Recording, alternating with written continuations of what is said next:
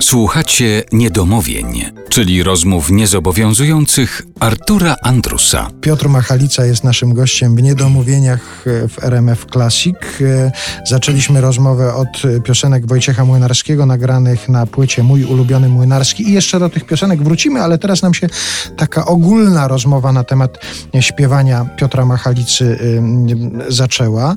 Wspomniałeś o tym, jak to Jerzy Satanowski zaprosił cię do udziału w przeglądzie piosenki aktorskiej Magda Umer do spektaklu Zimy Żal, a ciekaw jestem, czy da się ustalić, kto pierwszy ci kazał publicznie wystąpić. To znaczy powiedział, masz zaśpiewać przed ludźmi piosenkę.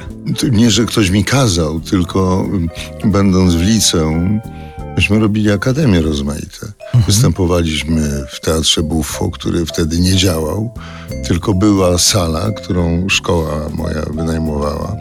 I tam mówiliśmy wiersze i śpiewaliśmy y, rozmaite piosenki.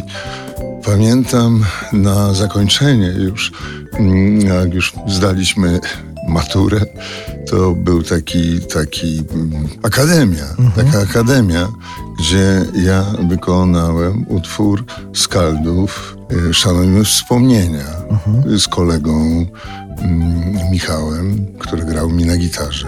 Także ja, mnie, mnie, nie musiał nikt zmuszać do tego. Raz byłem zmuszony do powiedzenia wiersza, to było w szkole podstawowej i przygotowała mnie taka starsza pani, to było, przypuszczam, jakieś um, no, do 50 parę lat temu.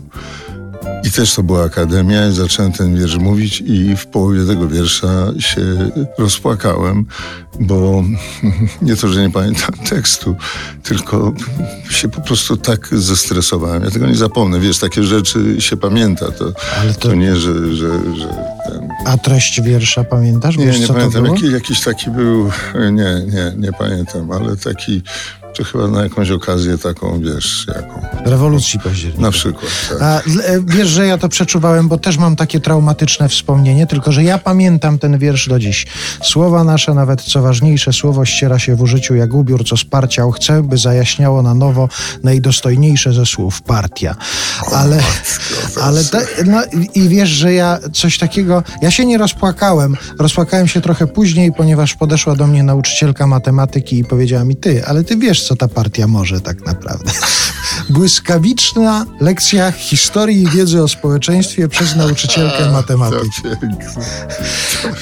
No ale wracajmy do tego śpiewania. Jak powiedziałeś, nikt cię do tego nie zmuszał. Sam chciałeś. I... Wiesz, ja już nie chcę takich opowiadać mm, dyrdymałów, że to były lata 60.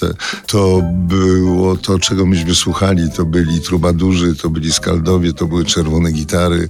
To może... I to śpiewałeś też. To, ale więcej ci powiem. Ja miałem pudło po butach pałeczki y, od, y, z takiego sklepiku, gdzie facet robił pałki y, do, dla perkusistów. perkusistów.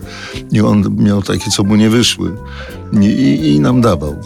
Ja po prostu waliłem w te pudełko po butach i śpiewałem czerwone gitary. Mm, no bo ty się boisz myszy albo coś tam. akompaniując sobie. Akompaniując sobie. Ku, myślę, rozpaczy moich braci i mojej mamy. Ale myślę, że ku radości naszych słuchaczy teraz, jak się dowiadują o czymś takim. Ale tak było.